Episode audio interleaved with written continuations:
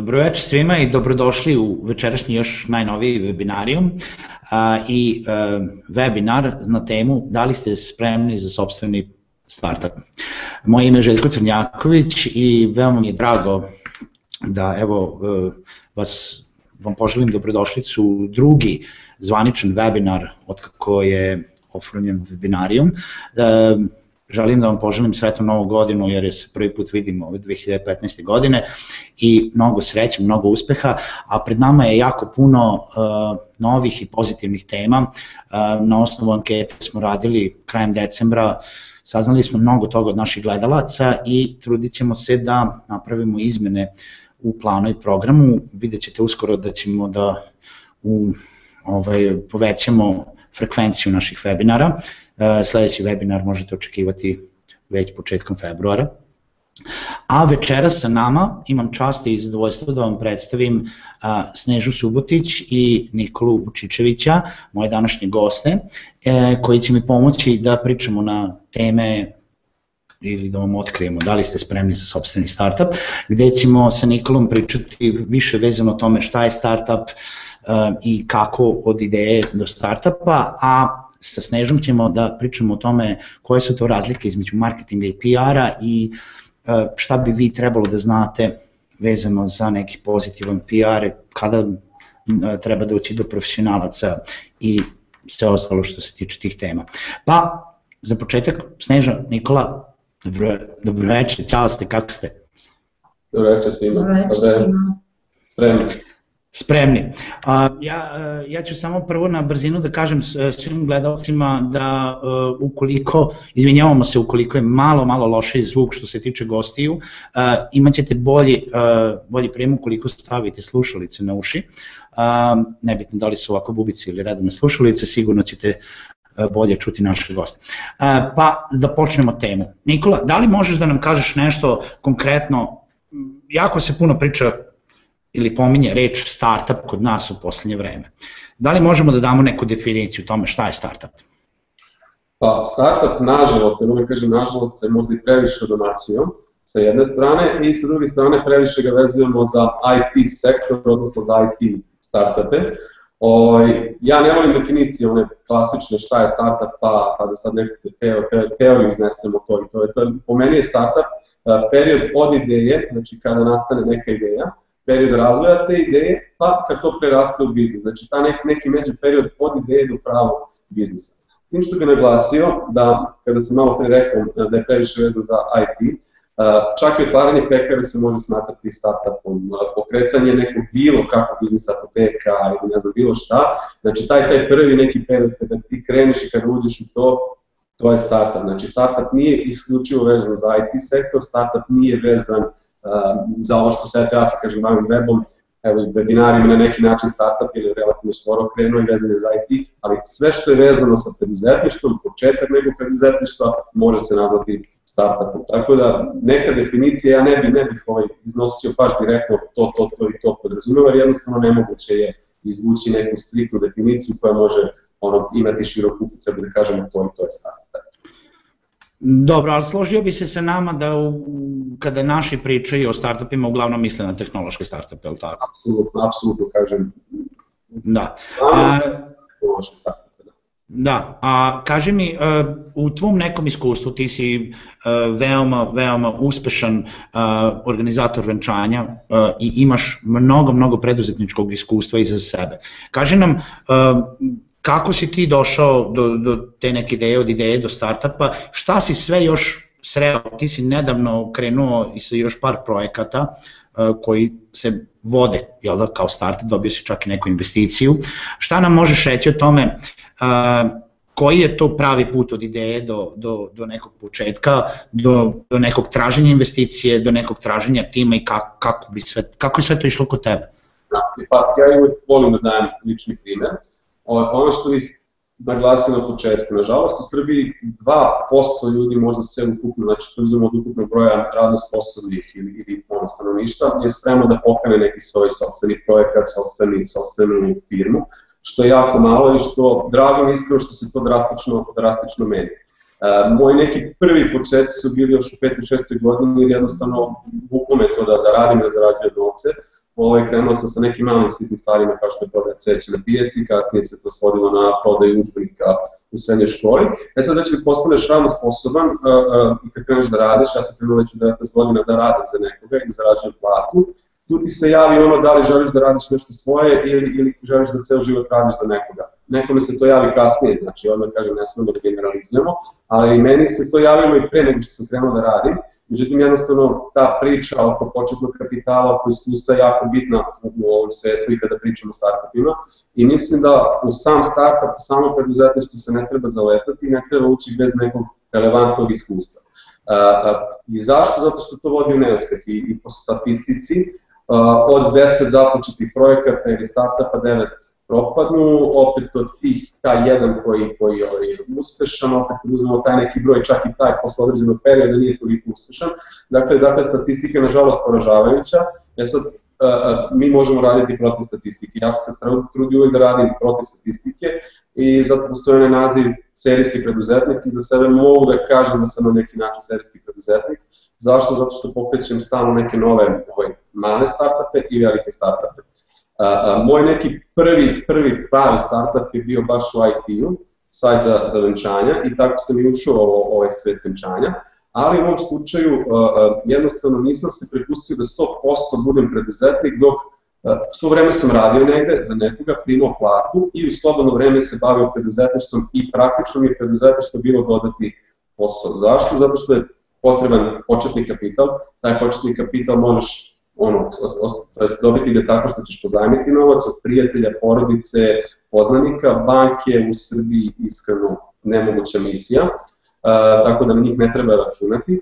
Kada sam ja počinio, investicioni fondovi nisu postojali, to je u Srbiji jednostavno nije ih bilo, postojali su svetu, ali ovde nažalost ne. Zatim nije postojao pametni novac koji je jako bitan, znači nije bitan samo novac, već ko vam taj novac daje, šta vam donosi taj novac. Kada sam kretao, nažalost, toga nije bilo. I onda praktično je u tom trenutku to bio teži put da ti radiš i praktično svoj novac ulažeš u te neke startupe. Prvi ozbiljniji startup je doživeo neuspeh, drugi startup sam ostvario, to je dobio sam investiciju 10.000 evra, opet posle određenog vremena je doživeo neuspeh. E već sa ovim trećim smo dobili ozbiljnu investiciju, za sad smo na dobrom putu da od toga napravimo veliku stvar. Umeđu vremenu sam pokrenuo nekoliko malih projekata, odnosno malih startupa, malih biznisa, lokalnih, koji mi donose solidan novac koji takođe uložimo u startupe. Tako da je i to možda put pokrenuti neke male posliće koje će donositi neki stalni prihod i taj prihod možeš ulagati u tu neku veliku ideju koju imaš. Ono što je jako bitno za sve, to je da kada razmišljaju uopšte da pokrenu nešto, ovaj, jako je bitno da to ne bude po meni pekara ili trafika, zašto? Zato što to ima na svaku ćošku i to je garantujem ono pravi put neuspeh i to, to nije put kojim treba ići. Kada razmišljamo o nečemu svome, gde krenuti, šta krenuti, po meni ako si totalni početnik, kreni prvo volontiraj negde, kreni radi za nekoga, skuplja iskustvo, trudi se da u tome što radiš budeš najbolji. Kada budeš dovoljno iskusan, već možeš tu videti koji pravac trebaš odabrati, da li je to trenutak kada trebaš da kreneš, kada si dovoljno iskusan da napustiš taj posao i da eto, kreneš nešto svoje, mada ne smatram da je to dobar trenutak ovaj, kažem, to sve treba biti individualno.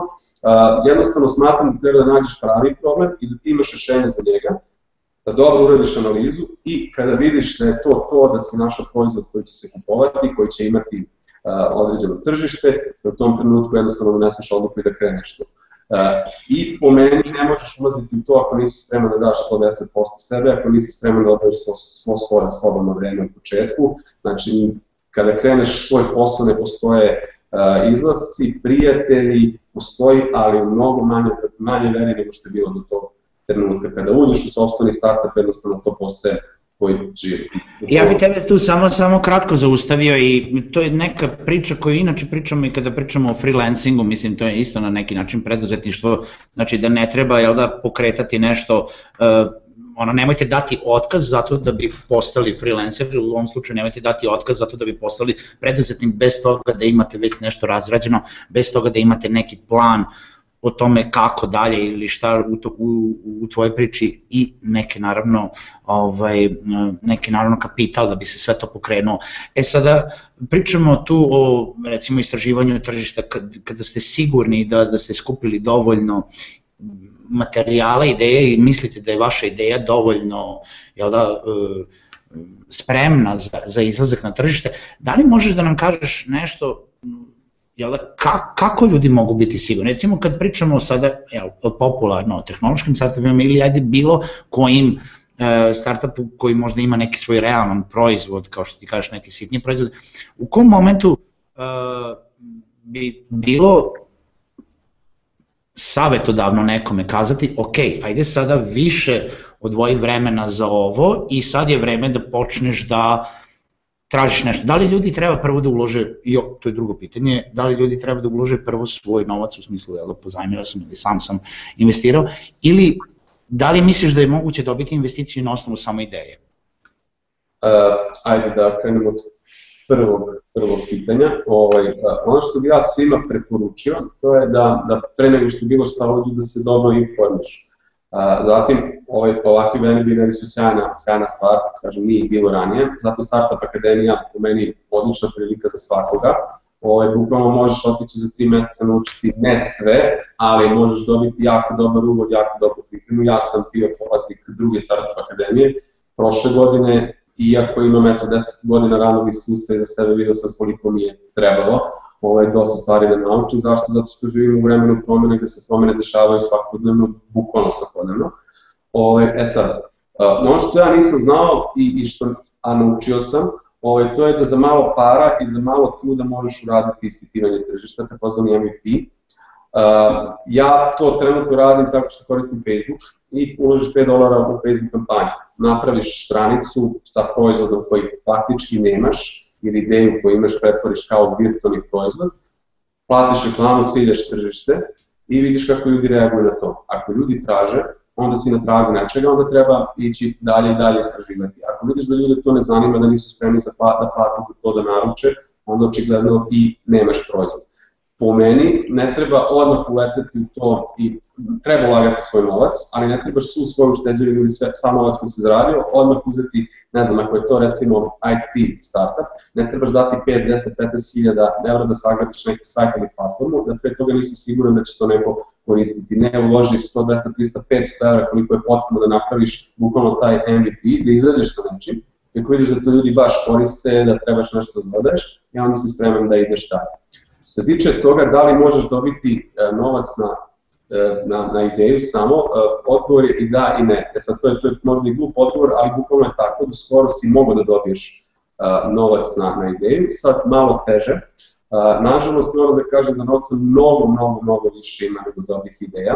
I svi mi mislimo da imamo ideju od milion dolara, ideju koju će neko ukrasti i skopirati. Nažalost, garantujem da, da bar 10 ljudi na 10 različitih lokacija u ovom trenutku svetu radi na toj ideji. To se pokazalo gotovo svakog meseca čujem za, za neku takvu ideju koju su mi drugari pričali hoću da pokrenem, ne postoji nigde, a vidiš da jednostavno ljudi već godinama rade na tome ili ne znam mesecima.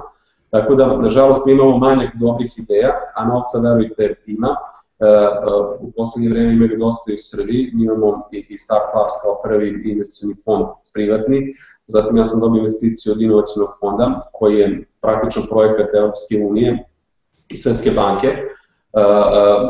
Četiri konkursa su imali, to je četiri kruga, dodeljeno negde oko 5 miliona evra različitim startupima iz različitih oblasti i to je novac koji je bio bez equity, praktično kao grant sa 15% učešća. Uh, ono što je sigurno da će u skorije vreme dobiti gotovo sigurno još jedan ili dva nova fonda, ne ona opet privatna, a dostupan je sad Horizon 2020 gde jednostavno uz malo truda možete popuniti formulare, priložiti svoju ideju i to je po meni dobar način kako testirati ideju, tako što ćeš tražiti negde novac kod nekog investitora, u ovom slučaju novac od Evropske unije I ako taj neko proceni da ta ideja ima smisla ako dobiješ novac za koji to je dobar pokazatelj da si na dobrom putu, da imaš dobru ideju. Najgore je sujeta po meni, ovaj, to je najveći neprijatelj svakog i preduzetnika i svakog startupera, ja sam lično imao taj problem, uh, uh, sujeta me ubijala, jednostavno nisam slušao iskusniji ljudi od sebe, uh, kada sam dobio evaluaciju, jer sam konkurisao ranije i za inovacijni fond i neke druge fondove i kada dobiš tu evaluaciju da ti oni napišu zašto to i to nije dobro, zašto nisi dobro neke istraživanje uradio, zašto ti market nije dobar,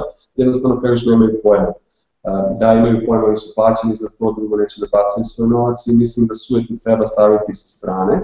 Kada staviš sujetu sa strane, kada iskoristiš iskustvo koje imaš i kada slušaš pametnije od tebe, kada učiš o svojim greškama, onda si na pravom putu i onda novac je mnogo dostupniji. Tako da novca, nažalost, kažem, ima mnogo više nego dobrih ideja, ali s druge strane ne možeš dobiti novac tek tako, imam samo dobru ideju. I ono što bi se da. savjetovao, ovaj, samo ću to još dodati, kako da istestiraš da li ti je ideja dobra, priče, priče sa svojom okolinom, priče sa relevantnim ljudima, čak nekad i najbliži prijatelji, porodica možda nisu dobri sagovornici, uvek postoji ono da li će mi neko ukrasti ideju. E, to sam teo da te pitam, to je ono kao bilo pod pitanje u svemu što si rekao, ljudi, gomila ljudi neće da priča o tome, zato što nema nikom da kažeš jer uzet će ti ideju. E, znam da imaš mišljenje o tome, pa sad, jel da, kako preći između toga da, da pričati sa okolinom, a opet jel da ne doći do toga da ti neko uzme ideju? Ja, ja sam nažalost imao, imao slučaj da, da, da mi uzete ideja, ali bukvalno da mi uzete ideja koja je onako realizovana kasnije, ne mogu da kažem ozbiljno biznis, ali, ali globalno poznata, ali šta se tu desilo? Ja tu svoju ideju prvo nisam rekao do kraja, i to nije realizovano do kraja, da je postoje poteškoće u, u razvoju tog startupa ili te ideje. Uh, druga stvar što ja jednostavno nisam ni toliko verovao u tu ideju i dalje ne verujem. Ovaj, I treća stvar, to je to bukvalno jedan u milion slučaja. Bukvalno jedan u milion. Zašto? Zato što jednostavno ljudi sa kojima pričaš ili nisu sposobni, znači nisu stručnjaci. Ja sad nekom da pričam o venčanjima, ideje koje imam za venčanja, u Srbiji se možda 10 ili 20% ljudi bave, 10 ili 20 ljudi ukupno se bave organizacijom kao organizacijom venčanja Da li su oni sposobni da razviju tu ideju, verovatno ne. Da li oni žele da se bave time, verovatno ne. E, tako da moj savjet je testira ideju, pričaj, zato što ćeš dobiti feedback, neće ti niko ukrasti. Pogotovo ne investitor. Investitoru nije cilj da ti ukrade ideju, njegov cilj je da ti tu ideju razvijaš, da ti tu ideju provuraš. Zašto? Zato što on radi sa 10, 20, 30, 50 startupa, njemu je cilj da svoj novac, mi smo ranije to pričali, finansijama opodi, odnosno da ga uveća i on želi tebe da uloži zato što smatra da si ti kompetentan za to, zato što ti u glavi imaš širi sliku toga, a, ne da ne, neće ti ukrasti. Ako pričate sa nekim ljudima koji su iz industrije, tu već postoji zavisnosti, opet kažem, neke male idejice možda da, kao tipa možda unapređenje da, ali ako pričamo o nekom globalnom projektu, nekom velikom startupu, verujte, naslušao sam se ono milion, milion priča kako treba prave novi Facebook, to je, to je glupost, ne možeš napraviti novi Facebook. Da ne pričam ono što sam malo pre rekao, Ovaj, dešava se često da startupi neće da pričaju, pošto mentor sam, i onda kao ajde da mi kažu ovaj, ideju šta je na, na, na pameti, i da krenu da pričam, kažem da li si pogledao taj sajt, nisam, oni pravi isto, da li si pogledao ovaj, nisam, da li si pogledao ovaj koji je već doživio neuspeh, nisam. Dobro je kad pričaš, ćeš dobiti povratnu informaciju, čak ćeš dobiti ono da neko će reći, ej, hoću to da koristim ili mogu da te povežem sa ovim, tako da nećete zaštititi ideju tako što držite u glavi. Najbolji način da zaštitiš ideju to je da kreneš da radiš na njoj. Kada kreneš da radiš na njoj, ne postoji bolji način da je zaštitiš. Da, odlično, odlično. Znači u svakom slučaju treba prvo raditi na, na kreiranju svoje ideje, nešto da počnete i onda, onda testirati ta, ovaj, tržište i u stvari pričati sa ljudima da vidimo da li imamo dobru ideju. Na, uh, Snežo, uh, ja bih sad tebe da pitam, znači tu smo u nekom stadijumu, uh, jel da kako je Nikola sad, uh, dokle, smo došli, da smo jel, razmišljamo o ideji i sad tu dovoljno smo se odmakli da krenemo da ulažemo svoja sredstva u to, da, da razmišljamo o tome da prestanemo neki svoj uh, normalan posao zato što imamo već neku ideju da li je to u stvari tu smo negde, nismo još sigurni da li, da li, je to, da li imamo viable, viable product ili nemamo, znači da li imamo zainteresovano ili nemamo.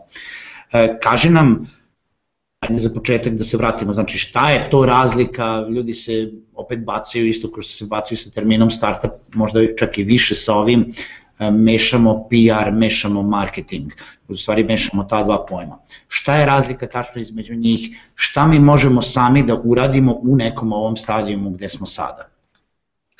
Svakako, to je tačno i od uvek postoji, da kažemo, ovaj, to neslaganje marketara i PR-ovaca, da li je PR deo marketinga ili je ipak zasebna nauka.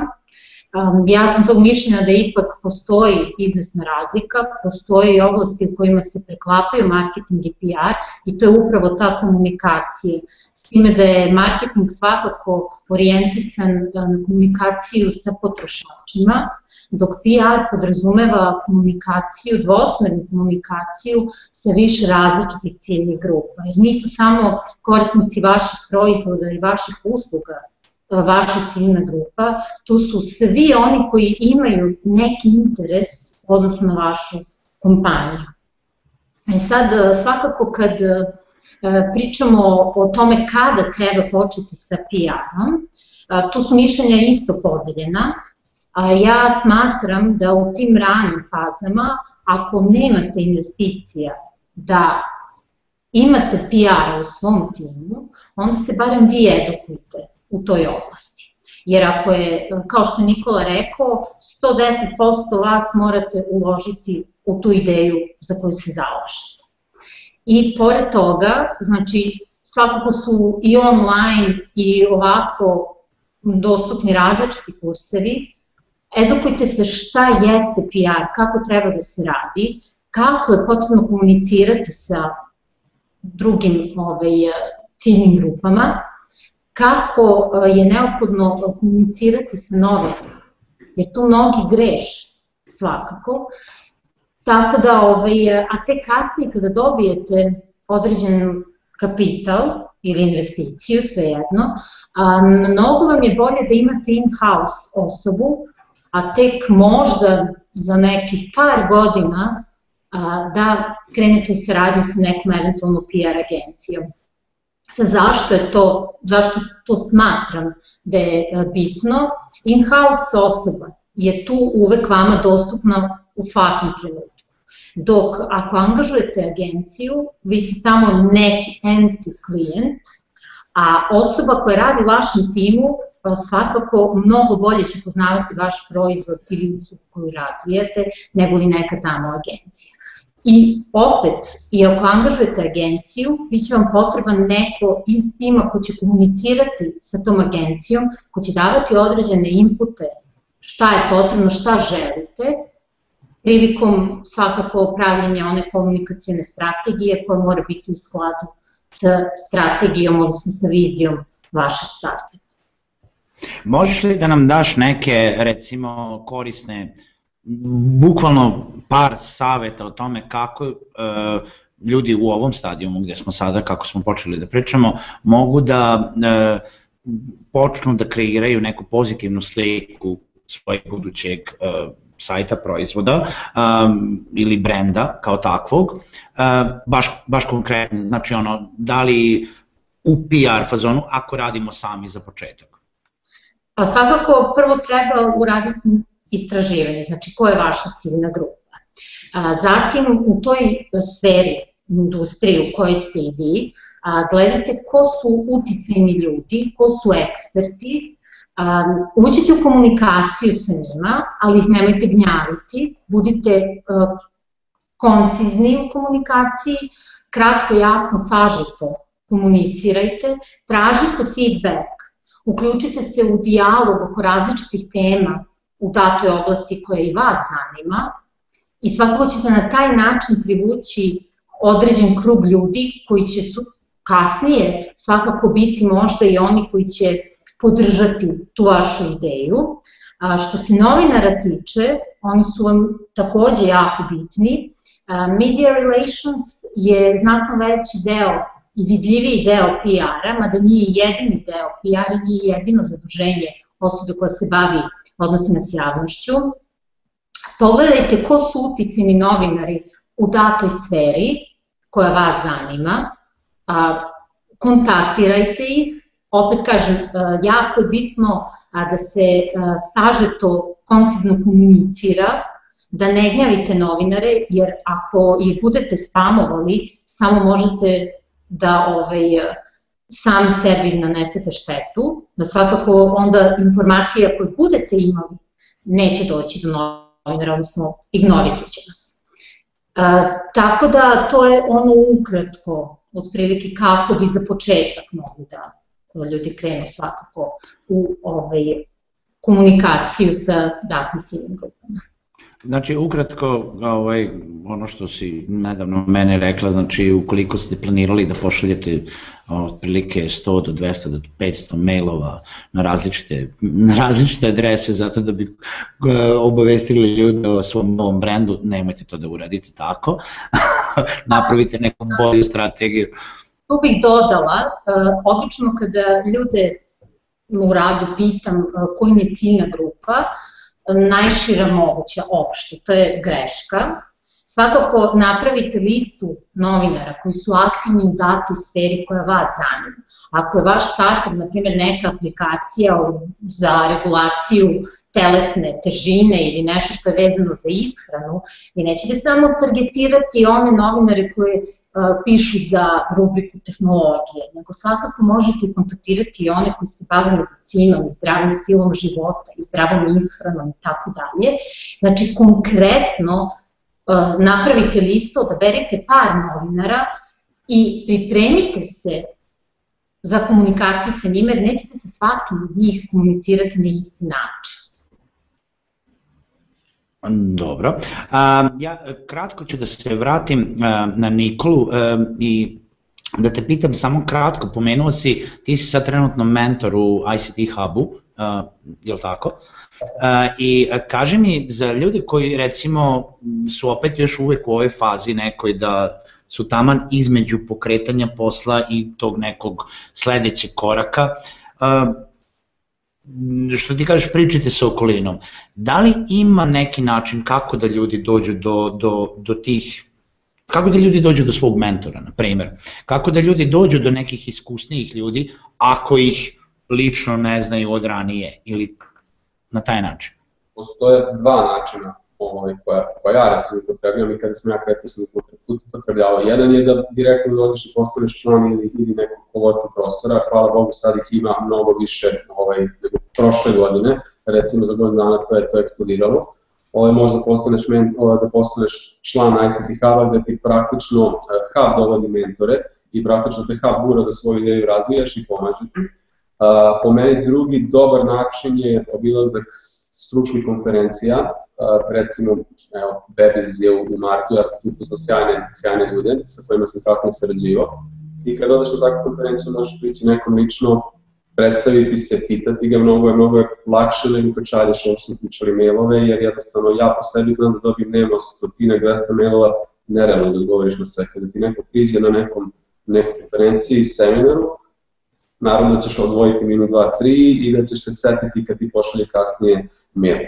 A, tu bih bio bazan, ne treba obilaziti sve konferencije, jer jednostavno smatram da je to gubljenje vremena, opet to je bitno targetiranje, idi na konferenciju koja je bitna za tvoj posao, za ono što te interesuje. Po meni najbolji način da dođeš do određene osobe je kada te neko predstavi, znači direktan kontakt, u tom slučaju to ti je zagarantovano da ćeš dobiti i feedback i pomoć i sve što ti je potrebno. E sad, postoji jedan mali problem i, i to je mu nazvan problem, nego bukvalno pravilo koje se ponavlja redovno.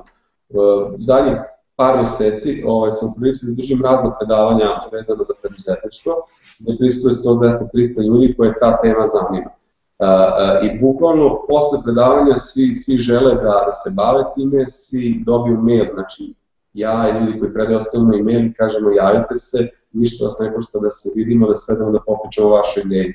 E, nažalost, poražavajuće da nakon svakog tog predavanja javi se jedna do dve osobe i da posle određenog vremena čak i ta jedna ili dve osobe, čak, čak se možda ni jedna ili dve osobe ne javi. I to nije pravilo samo da kažem ja imam problem sa tim, to je pravilo koje ono godinama se nažalost ponavlja, jednostavno ljudi nisu proaktivni i ljudi su jači na rečima nego na djelu, kažem nažalost. Ako već što me postavi mail i kontakt i kaže javi se, sam spreman da vam pomognem, došao si tog dana 22 sata da me slušaš, uradite to, pustite, pustite mail, evo ja pozdravim večeras sve koji slušaju, ukoliko je potrebna neka pomoć, savet, e, možete me naći na Facebooku, na Twitteru, preko, preko tebe želite mogu dobiti e-mail, da sad baš ne delim mail svima, ovaj, ili mogu e-mail ako bude potrebno daći na kraju, ovaj, na kraju webinara. Uh, kontaktirajte me slobodno, nemam puno vremena, ali uvek mogu da odvojim e, minut, 2, 3, 5, 10 da se čujemo ili sat vremena u toku nedelje da sednemo ako ste, ako ste blizu tu i da čak popričamo i lično lice u lice ili Skype-om kako god. Kažem, meni su pomagali i to je na neki način što ja želim da, da vratim, eto da pomažem drugim. To je. I naravno još dobar način je ili Startup Akademija, eto kažem, moram da pomenem tamo, tamo mentori dolaze do mnoge, stručni ljudi vam dolaze do mnoge, kažem, meni je to stvarno ta akademija mi je donula dosta tih nekih kontakata koje su sada, eto, mogu da kažem, saradnici, ne samo mentori i, eto, neke, neke osobe koje sam ja želeo da upoznam.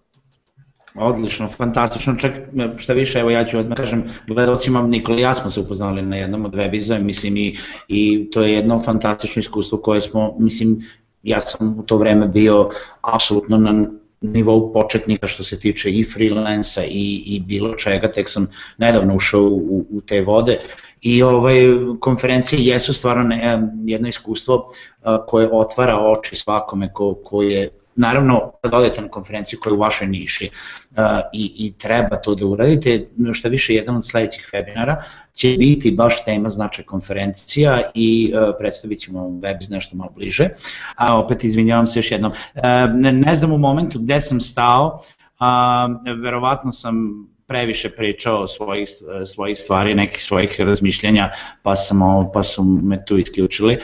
A, tako da Sneža, postavio se, teo sam da ti postavim pitanje da se ne doveže samo na Nikolu, značaj eventa i događaja u tom nekom razvoju, jel, da, stadijumu razvoja startupa.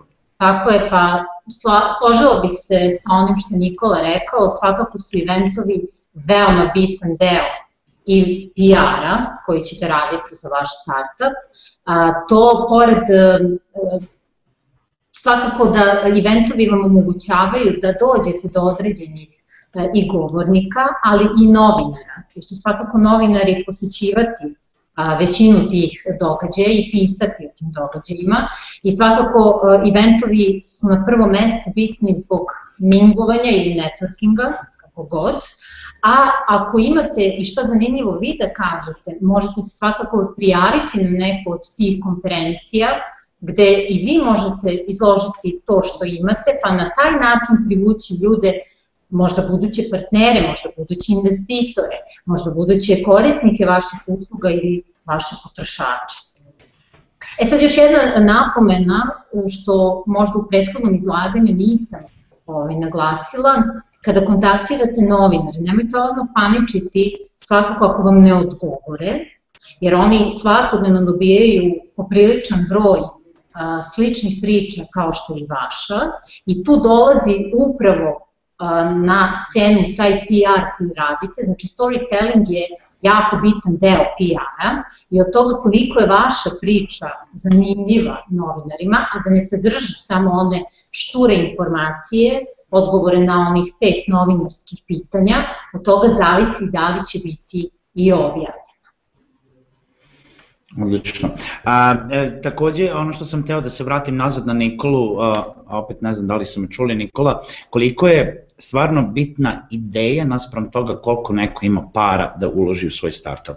I da li misliš u stvari koliko, koliko su ti si mentor, koliko si sreo dobrih ideja za startup naspram, naspram uopšte ljudi koji su hteli da počnu nešto? Dobrih, poprično, uh, odličnih, malo fantastičnih, nisam sigurno što je neko je onako govorilo A šta je razlika da, kad, kad si ti napravio razliku dobrih, odličnih, fantastičnih, u smislu da li dobri mogu da postanu uh, posao ili je kao dobra ideja, ono kao pa dobro, dobro je, ali ono kao idi radi još malo. To si dobro rekao i tu treba ono šta ti je cilj toga što radiš, za toga živiš lepo, da imaš neku platu 500.000, 2000 evra, da li je cilj da se razvijaš i da praviš kompaniju koja će imati 100-200 zaposlenih raditi lokalno ili želiš da praviš nešto globalno, koja će biti ogromno, koja će ono zapošljavati mnogo ljudi i nešto će, eto, ja iskreno svaki startup koji radi volim da je to nešto što i meni i ljudima da, koji su kupci ili korisnici tog proizvoda donose osmetno lice, jer smatram da takvi proizvodi ovaj, najbolje prolaze i da su to ono, jednostavno volim to što radim a, a, kažem, razlika između dobre i fantastične ideje po meni u tome koliko će ona biti velika. Dobra ideja može biti lokalni biznis ili nešto malo, a ta neka fantastična može biti nešto što će menjati bukvalno sve. To je, to je bar po meni, moj lično mišljenje. Kažem, za sad nisam seo lokalno ovde neku ideju koja će možda neku stvorim period promeniti svet. Imamo do, ono, fantastičnih možda, možda startupa iz Srbije koji rade odličan posao, ali kažem, za sad nisam ono upoznao neki tim koji radi na nečemu što je ono, da kažeš, wow, to je, to je, ne postoji tako nešto na svetu. E, ja ću, pomenuo si jednu odličnu reč i, i a, ovo će biti pitanje za oboje. Koliko mislite da je jednostavno ili koliko mislite da je potrebno imati tim ljudi koji radi na ideji od starta ili mislite da je dovoljno da neko to sam razvija ili u kom momentu treba tražiti tim, da li, da li mislite, o, znači ovo je samo vaše mišljenje, da li mislite da je potrebno da to bude neki core team ili sad recimo ja imam ideju koju sam dogurao do negde pa ću ja sad početi da unajmljujem ljude koji, koji će biti, jel da, koji će raditi za mene da bi pravili tim. Pa ovako, moje lično mišljenje da je tim jako bitan, zato što startup e, nije one man show i potreban vam je taj core team i to zaista ljudi kojima možete da verujete. Definitivno je to moje mišljenje. E, ja recimo mogu da kažem da se meni mišljenje vre, menjalo vremena. Ovaj, da, mišljenje koje imam sad jednostavno pre tri godine bilo skroz, skroz drugačije E, tim je jako bitan, ali, ali, ovo je ono što ja mogu da dam svim savjet. To je nikako ne kreći posao sa rođacima, to je prva stvar. Druga stvar je, ako tražiš nekoga da ti bude deo tima, e, kao i ljubavi, to mora da bude osoba sa kojom ćeš deliti i dobro i zlo, jer startupu pogotovo mnogo je više tog zlog u početku. Kad kažem zlo, ne mislim na neke zle stvari, nego mislim na neuspehe, na teške noći, na prespavne noći, dane, na, na neke padove i ta osoba jednostavno mora da bude kompetentna sa tom da, da te diže. Ali je još bitnije od toga da ta osoba bude stručna za ono što radi. Kada si startup ti ne možeš angažovati da one najbolje, ne možeš ih platiti, ali potrudi se od onoga što imaš da to budu najbolji, najbolji ljudi. Uh, pri tom traži ljude koji ti stvarno u tom trenutku trebaju kada si osnivač startupa, ti moraš biti i, i, i, i marketar, i, i trgovac, i prodavac, i programer, i čistačica u kuhinji. Ako imaš kuhinju, uh, bukvalno one man show, moraš raditi sve, a kako rasteš, onda možeš angažovati profesionalca za te neke, neke druge stvari. Ja sam, nažalost, uh, najveće probleme u svojim startupima imao upravo sa timom, ne zato što nisam mogu da okupim dobre ljude, nego jednostavno što u Srbiji ljudi možda previše cene sebi, možda misle da previše znaju, a jednostavno nemaju dovoljno iskustva, to je bila prva stvar. Druga stvar je vlastištvo i to ono što u Srbiji mislim da dosta kolje startupe, to je ono svi hoće što veći procenat te firme u početku kreću ovaj, odmah te raspodele neke, niko ne kapira da, da nije bitno vlastištvo, nego to što ćeš napraviti jednog dana koliko to veliko ovaj, i kompetencije ljudi da jednostavno da uzmi, ako praviš IT startup, uzmi programera i kreni da radiš sa njim. To je kada si početnik. E sad, ono što danas mislim to je da, da kada malo porasteš, zato je tu bitan PR, to, to nisam malo pre rekao, ali treba graditi PR i oko sebe kao self-promotion na neki način, zatim oko startupa koji radiš, tu je jako bitan PR koji se razlikuje, marketing marketing usmeravaš prvenstveno produkcijama i korisnicima tvog proizvoda, dok PR ti može koristiti da privučeš kvalitetne ljude pre svega koji će sutra raditi sa tobom, ne mogu da kažem za tebe, nego sa tobom, e to su upravo ti saradnici, ja evo sad mogu da kažem da posle ne znam koliko godina imam izuzetno kvalitetan tim, da su to ljudi za koje sam ja spreman da radim ne 110% nego 200%, da su to ljudi za ono mogu da stanem iza njih i da, da mogu da kažem to je to, mi smo tim, mi smo kompetentni i mi smo profesionalci na što radimo. I to recimo pre godinu, dvije, tri nisam mogu da radim, uh, nisam mogu da kažem zašto, zato što sam bio neiskusan, zato što uh, nekad si primoran da, da, da ono, pristaješ na neke kompromise koji, nažalost, dugoročno nisu dobri. Zato gradi dobar PR, taj tim koji, koji s kojim kreneš verovatno za godinu dana neće postojati i ono što bi svima preporučio kad vidite da to ne ide secite, bolje je preseći na, na, na 2, 3, 4 meseca, nego nastaviti da radiš sa nekim, jer to trenutku može da, da se eksplodira i jednostavno da poraste nešto negativno. Zašto nije dobro raditi sa prijateljima? Zato što gotovo sigurno prijateljstvo posle određenog vremena strada. I ono što praksa u svetu pokazuje, pogledajte sve ove, da kažem, uspešne start-upove od Apple-a, od Facebooka, vidjet ćete da su tu ti početni timovi se raspadali posle određenog vremena, uglavnom kada dođe veliki novac. Da. Um, Odlično, odlični saveti. Ja bih pozvao publiku da postavlja dalje pitanje, uskoro prelazimo na pitanje publike. Za kraj, pre nego što pređemo na pitanje, ja bih hteo da vas oboje takođe pitam, Snežo, prvenstveno tebe, znači pričali smo o tim nekim pozitivnim stranama, nekim stvarima, zašto je PR dobar, šta bi trebalo da se radi, ali e, svi znamo da postoje da situacije u kojima dolazimo do do neke stvari koje nismo želeli da izađu u javnost, koje, neke stvari koje smo možda sami izazvali loše, um, dolazi do tih nekih kriznih situacija. Da li možeš da nam kažeš kako, mislim, kako ljudi da se ponašaju kada dođe do neke krizne situacije, mislim, da li ono tipa da krenemo da paničimo i da pobegnem napad iz prostorije i da kao ćutim proći će.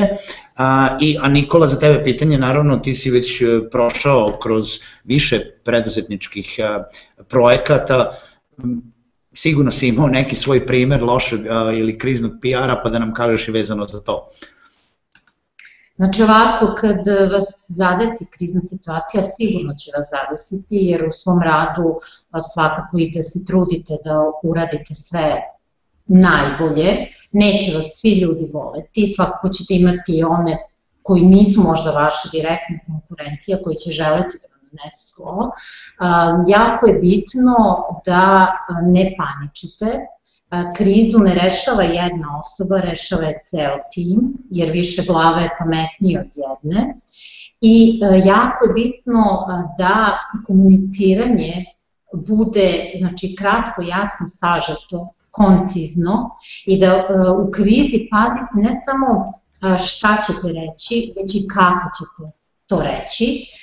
Najgora solucija je ignorisanje problema, ali opet nekada se dešava da je potrebno ne odreagovati možda odmah, zato što ćete možda imati ljude koji podržavaju vaš rad, koji će stati na vašu stranu i koji će vas braniti.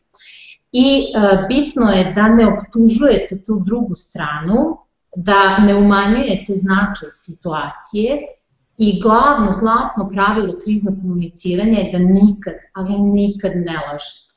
Zašto?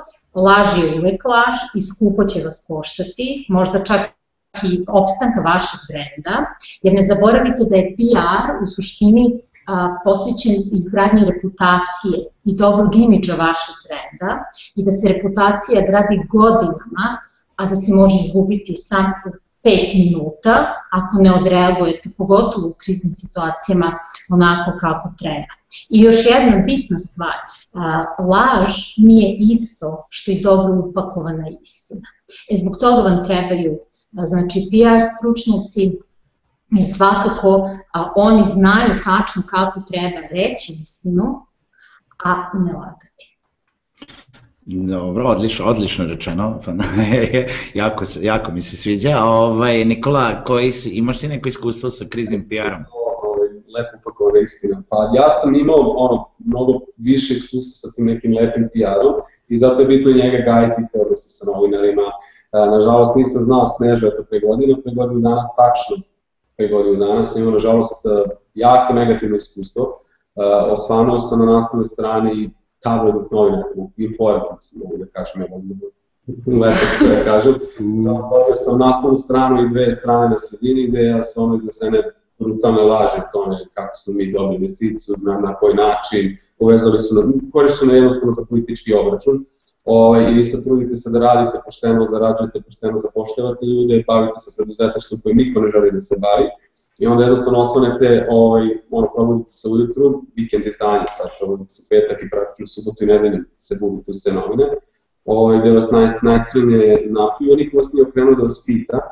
Ovaj, e sad tu, kad ne znate kako da reagujete, jako je, jako je teško i, i koliko da se trudite da ste nasmijeni, postavili da, da će to proći, nije lako I u takvim situacijama super je kad znate neko ko može da vam pomogne.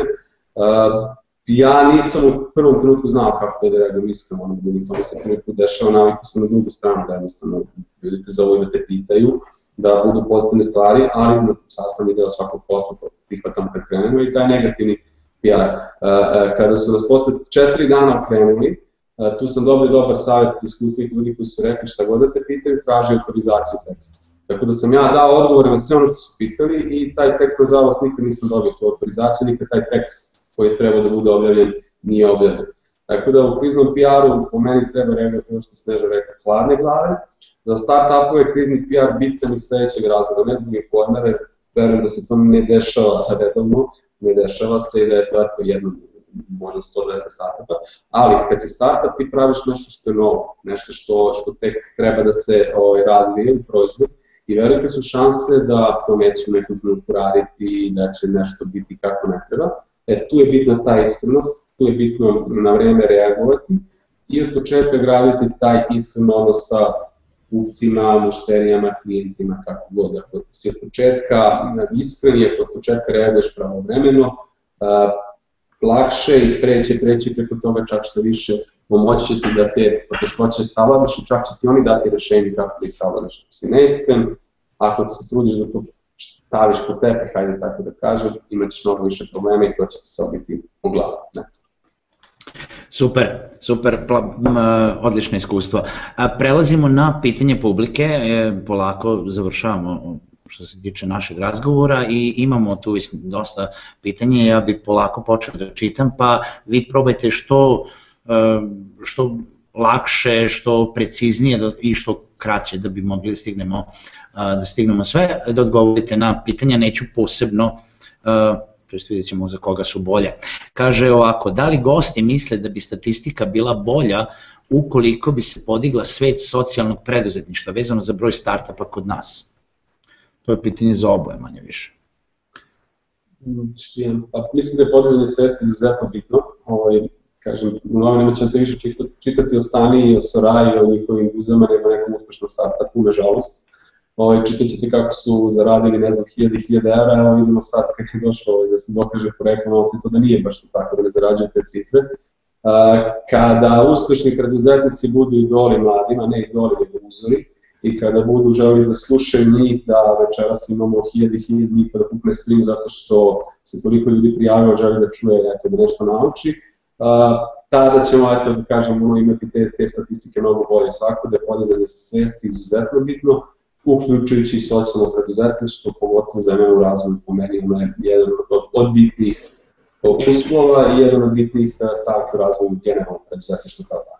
Ok, a, drugo pitanje, na ovo pitanje je odgovoreno već u četu koliko znam, ali e, ovo je više pitanje, samo Nikola, da li imaš nešto da dopuniš, pošto su već dali link za to, a, kaže kako se može upisati Startup Akademija i gde se nalazi, sad a, mi smo već podelili link u četu, da li ti imaš nešto samo kratko oko toga e, kako se prijaviti, da li u kojoj fazi trebate biti?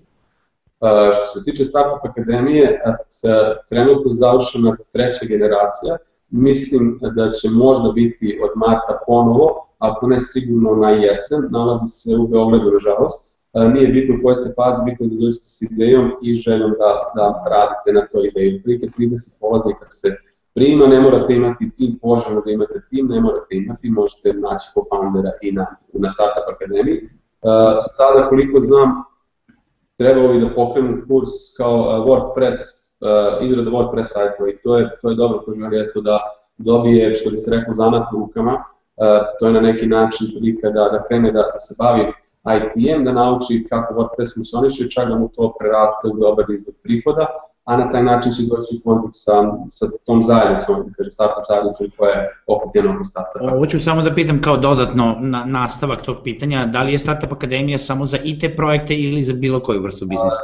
Praktično jeste orijentisana ka IT-u, ali ne, ne, ne, ne nužno. Ovo, mi smo imali sad recimo u ovoj generaciji i devojke koje su se bavile horoskopom, uh, momka koji uh, se bavi igricom, ali uh, stonom igricom kao monopol i to, dakle nije, nije nužno nije nužno vezano za igru. Dobro.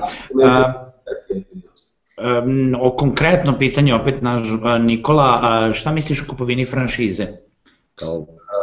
Jako je bitno koja franšiza istražiti tržište, da li, da li to ovde, jer kažem nije svaka franšiza dobra, vidio sam dobre i loše primere, za neke franšize apsolutno mislim da je dobro, zato što dobiješ know-how, zato što dobiješ brand, recimo žao mi što ovde nema Starbucksa, sigurno sam da bi postigao enorman uspeh, Burger King recimo još nije došao, ali neki franšize jednostavno skupo koštaju i po meni u franšizu ako pristupaš moraš pristupiti ozbiljno, to podrazumeva da moraš da postojiš, da poštoješ standarde koja pružalac franšize, odnosno davalac franšize uspostavi. Tu nema improvizacije, nema uh, muljanja, nema igranja sa, sa takvim kompanijama. Mali pogled u prošlost. Nikola, da li si radio u agenciji za organizaciju venčanja pre nego što si započeo sobstveni biznis? E, nisam. U venčanje sam ušao totalno slučajno. ajde ispričam priču da sam bio sa devojkom, u tom trenutku je momak tog dana bukvalno zaradio milion dolara prodavajući milion piksela je uzeo na ekranu i prodao za milion dolara, meni je bilo fascinantno 2006. godine internet, za dan zaradiš miliona, ja vama ne znam, prodaj knjige po zaradim 110 evra, ne znam, radiš na platu 400 evra, za dan milion, Ove, ovaj, i bio sam na nekom venčanju, vidim tamo neke mane, rekao sam to može ono, bude mnogo bolje, gledamo taj film, aha, ako bi povezali internet i venčanja, možda bi mogo da napravim neki novac, osnovno sam taj sajt, ja sam napravio sajt sve za venčanje i na malo vrata sam ušao u taj svet, upoznao te ljude, tu industriju, praktično tad nije bilo ni sajtova, više, da bi 2009. na 10. ja dve godine, tri razvijao u glavi kako bih ja napravio u Srbiji neki, neki kao prostor da bih imao sve na jednom mestu i eto, kroz taj posao u tom trenutku sam upoznao uh, osobu koja je imala novca, koja je bila spremna da uloži tu ideju, za manje od godinu dana, na, za manje od tri meseca smo napravili restoran koji je praktično nudio sve na jednom mestu, bez dana iskustva uh, sam ušao u to riziko, sam i to preporučio svima rizikujte, ako ne možete da izgubite glavu, to je ako nije rizik da izgubite glavu, po meni je sve, sve ostalo vredno. Da. U najboljem slučaju izgubit ćete 2, 3, 4 meseca života, možda nešto novca, ali ako rizikuješ jedino tako možeš uspeti. Ne kažem da, da treba ići glavom kroz zid, ali jednostavno tu sam da jesam zato što sam mnogo rizikovao. A, sledeće pitanje, ovo je opet za oboje, ali možda više za Snežu. A, naravno da ovo pitanje ja bih dodao na ovo da je veoma zavisi od niša u kojoj ste, ali koji su eventovi primereni za početnike? U, pa... Da li imamo neki konkretan primer da kažemo? Što se tiče startupa, startup pa, meet. Rek, da, startup weekend, da. da. Startup meet koje to recimo oni organizuju jednomesečno ovaj, i to ne samo u Beogradu, nego po različitim gradovima u Srbiji, zatim startup weekend, isto sjajno iskustvo. Opet, kao što si rekao, Željko, zavisi od niše. Znači, bila je i ova gamerska konferencija Casual Connect, koja je, na primjer, za one koji su u gaming industriji bila fantastična Tako da ima da. Ima, ima sigurno ra, razno raznih eventova, mislim pogotovo po Beogradu je, ima od Behance skupljanja do, do nekih meetupa, do WordPress ovih vikenda ili, ili skupljanja, imate Dafed u Novom Sadu kao takav, meni samo šta pada na pamet, koje su neobavezna čisto za networking kao... A evo, na kraju krajeva ima i Spark Me, da. takođe koja je fantastična regionalna konferencija, gde svakako oni koji se premišljaju da li da krenu u preduzetničke vode, odnosno da li da počnu svoj startup, definitivno tamo mogu dobri, dobiti dobre informacije zato što su zaista zato što je zaista i sama konferencija kvalitetna, kvalitetni svi predavači. Da, Sneža je pomenula Startup Weekend, Ove, ovaj, ja sam recimo prethodne co-foundere i današnje co-foundere, odnosno ovaj tim, sam upravo upoznao Startup Weekendu. Pre dve godine sam tamo bio učesnik, prošle godine sam bio mentor i ono što svima preporučujem, zato što nije vezano samo za Beograd, imamo Startup Weekend u Beogradu, u Novom Sadu i u Kragujevcu sad bio. Sjajna prilika da za 48 sati e, istestiraš svoju ideju, radiš sa mentorima dva dana, upoznaš javne ljude i kažem nije vezano za IT nužno, znači praktično pola, pola startupova su IT, pola nemaju veze sa IT-em, iskreno da svaki preporučuje 20 evra možda košta, u maju će biti verovatno ove godine ponovo na, na dvoru, u meni sjajna prilika je to, plus naravno ove konferencije koje smo pomenuli. Um, sledeće pitanje, ja bih ga pročitao zato što je veoma bitno da definišemo, to je, to je vezano za prvo pitanje koje s kojima smo otvorili, postavljeno je pitanje šta je od tehnike tipa računar, internet neophodno za startup, pa e, pošto smo rekli da startup nije vezan samo za IT, jer je više uopšte i, jel da, kako doći od ideje do biznisa, nije vam potrebna posebno tehnika, ali evo, i vama ću dati priliku da odgovorite možda kako ovaj, sa, sa nekim ovaj, više stresom na, na to da trenutno ne pričamo o tome šta je potrebno tehnike, nego da li imate biznis plan ili nemate, tako? Biznis plan kao biznis plan je zastareo, koristite Canvas eh, na jednoj stranici, praktično ceo biznis možeš da, da, da ono, provučeš kroz korake i da vidiš da li to funkcioniše ili ne i mnogo brže se pravi biznis plana E, što se tiče potrebnih resursa, po meni je potreban čak i mobilni telefon možda koristiš, zašto? Zato što je najbitnije da se edukuješ. da istražiš šta je to što, što želi da se baviš. Ja ću dati primjer, evo, fotokabine kojima se bavim i koje su prerasle ozbiljna biznisa, krenule su kao ideja. Uh, uh, testirao sam ih tako, nisam imao ni kabinu, ni, ni znanje, za dva dana sam naučio sve što me interesovalo i 5 dolara sam uložio Facebook kampanju na web stranicu i praktično sam sa 5 dolara krenuo biznis koji eto sad vredi pa, da kažem, poprično i koji zapošljava par e, Sledeće pitanje, da li postoji neki sajt na kojem se može pronaći, na, na kojem se mogu pronaći investitori za dugoročne projekte e, čiji start iziskuje dosta sredstava, na koji način uopšte doći do investitora ako ne gledamo tipa neke startup akademije ili tako? E, znači, ja ne mogu da kažem ovako, što se tiče regionalnog, u februaru će Eleven Startup Accelerator otvoriti konkurs za devetu rundu dodali investicija. Najviše srpskih startupa je tamo dobilo investicije i mislim da su na trenutku tamo najdostupnije investicije, Eleven i Launch Hub, od 25 do 200.000 evra. Kad pričamo o dugoročnoj investiciji, niko ti neće dati dugoročnu investiciju, ti kaže ja ću investirati tebe 5 godina. Ne, svaka investicija podrazumeva da se odrekneš dela firme, podrazumeva da imaš neke obaveze, znači niko neće dati novac da kupiš automobil stani da se da uživaš u životu, ne, od tebe se očekuje da još napornije radiš na svom startupu, a oni ti mogu bezbediti sledeće investicije ako ti pokažeš konstantno rast, ako pokažeš taj neki potencijal. Što se tiče sajtova, uh, možda je najbolje pratiti Startit i, i netokraciju od domaćih sajtova, tamo se stalno obaveštava kada dođe neki akcelerator, kada otvori poziv za prikupljanje novca, uh, eto to su i naravno konferencije gde takođe možeš na Startme, po meni možda i najjača za investitore ove regionalne konferencije koji će doći najveći broj ljudi. U Beogradu, imate Startit Fest gde je došlo 15-20 investitora i to poprilično velikih investitora, Um, opet imate sad recimo i fond za razvoj,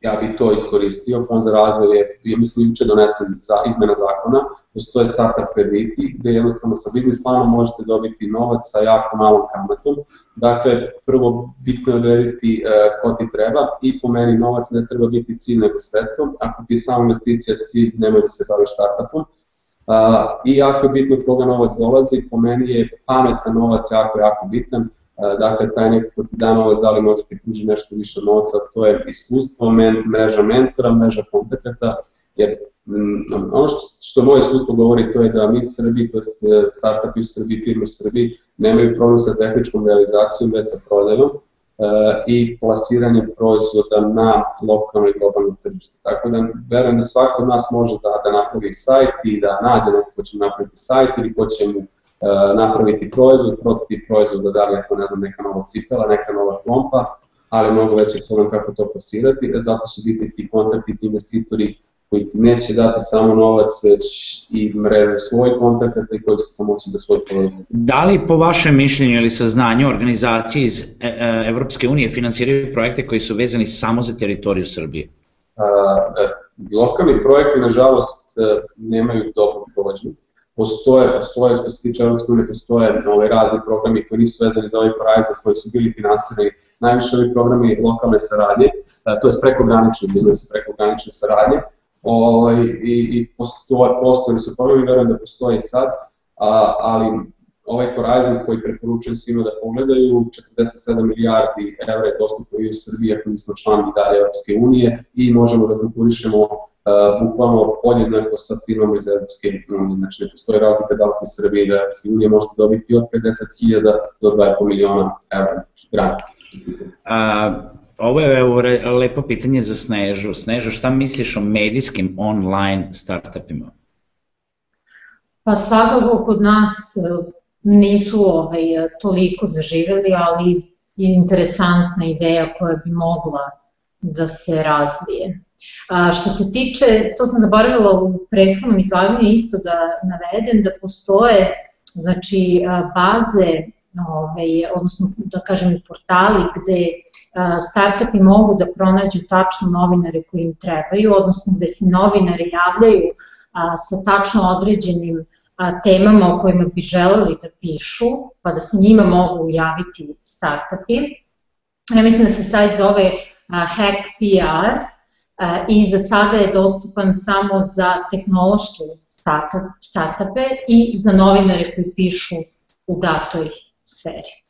Super, super. E, znaju inače e, gledaoci, mi ćemo se truditi i zajedno sa gostima ćemo posle webinara da sastavimo neki, neki spisak linkova i e, kojima smo pričali počeo od znači, zanimljivih konferencija, načina za dobijanje investicija, kao i ovo sad što je pomenula Sneža za komunikaciju sa novom prva prilika da, da dođe da čuju dosta o preduzetništvu, baš konkretno Webis, jer će biti dva dana sjajne radionice i vezane za startup i za preduzetništvo, stajni prodavači, čak koliko sam čuo bit će investitor. Mart. Mart, kraj marta svi bukiramo, ovaj, za to neki nas su već bukirali, vidimo se a, tamo svakako. A, sledeće pitanje, zašto najčešće startupi propadaju? Ne postoji neka formula, ali, ali ovaj, postoji više razloga. Prvi je to loši postivači, drugo previše fokusiranje na poliranje startupa ili proizvoda, a trebaš ga izbaciti što pre na e, po meni još ono, možda najveći razlog što, što se dosta prave stvari koje su nepotrebne i za koje jednostavno ne postoji potražnja. Uh, zatim iskustvo osnivača, kao što sam rekao malo pre, možemo napraviti, ali ne znamo plasirati. Uh, nedostatak novca, to jest dobiješ investiciju, ali je trošiš e, na nepotrebne stvari, na iskustvo, i upadneš u taj takozvanu provaliju. Ovo, jednostavno tri meseca ti trebalo recimo da još imaš novca da bi plasirao proizvod, ti ga nisi imao, znači loše rukovodjenje finansijama, razloga je mnogo, kao što sam rekao, sujeta jedan od većih. Dobro, evo imamo jedno konkretno pitanje evo, za mentora naših iz ICT Hub-a.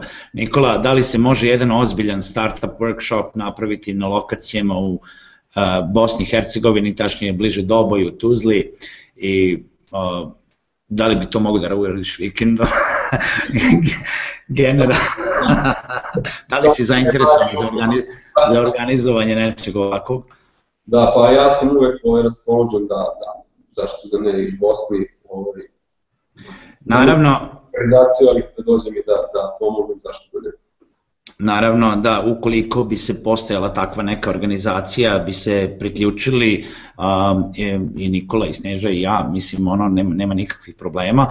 Um, e, to bi bilo to, e, molim vas da navedete neke od izvora financija za nas obične smrtnike, to smo već rekli sad nedavno, ovaj, baš smo nabrajali dosta. I tu bi završili sa pitanjima, a, nemamo više pitanja, a, odlično. A, e, to bi bilo to, ja bi, a, e, eto, a, e, za kraj rekao da li imate još nešto da dodate, vas dvoje, vezano za, za današnju priču? Ajde ti pa. Svakako ja bih napomenula da one koji zanima PR mogu pratiti tekstove na mom blogu Prototip, zato što ću u narednom periodu svakako pisati baš o ovoj temi šta je potrebno ovaj, ako neko želi da se bavi PR-om baš u ovoj sferi, znači što se tiče ovaj starta. Nikola? Pa ja, ja poručio bi svima, ovaj, edukujte se, radite na sebi, ovaj, manje, manje vremena na Facebooku, uzaludno trošenje na Facebooku, imate sjajnih linkova, kliknite za te linkove pa čitajte te tekstove, nešto zapamtite i moj savjet svima rizikite, bez rizika izlaska iz kuće, ovaj, Odlično, odlično. Želim da se zahvalim prvo večerašnjim gostima kao i svim gledalcima što su bili sa nama. Evo, malo smo probili termin, ali a, dobra je tema i e, stvarno smo želeli da kažemo sve što smo mogli trenutno o tome. A, mi ćemo podeliti sve moguće linkove koje uspemo da skupimo između a, Sneža Nikole i mene što smo, o čemu smo danas pričali. A, biće kontakti a, za Snežu i Nikolu takođe navedeni u a, opisu webinara na YouTube-u, pa ukoliko želite ili imate još neko pitanje da postavite, moći ćete to da uradite.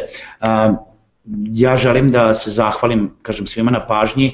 Uskoro sledi novi webinar, znači početkom februara, 11. februara za sada po planu, ali bit ćete obavešteni kao i do sada.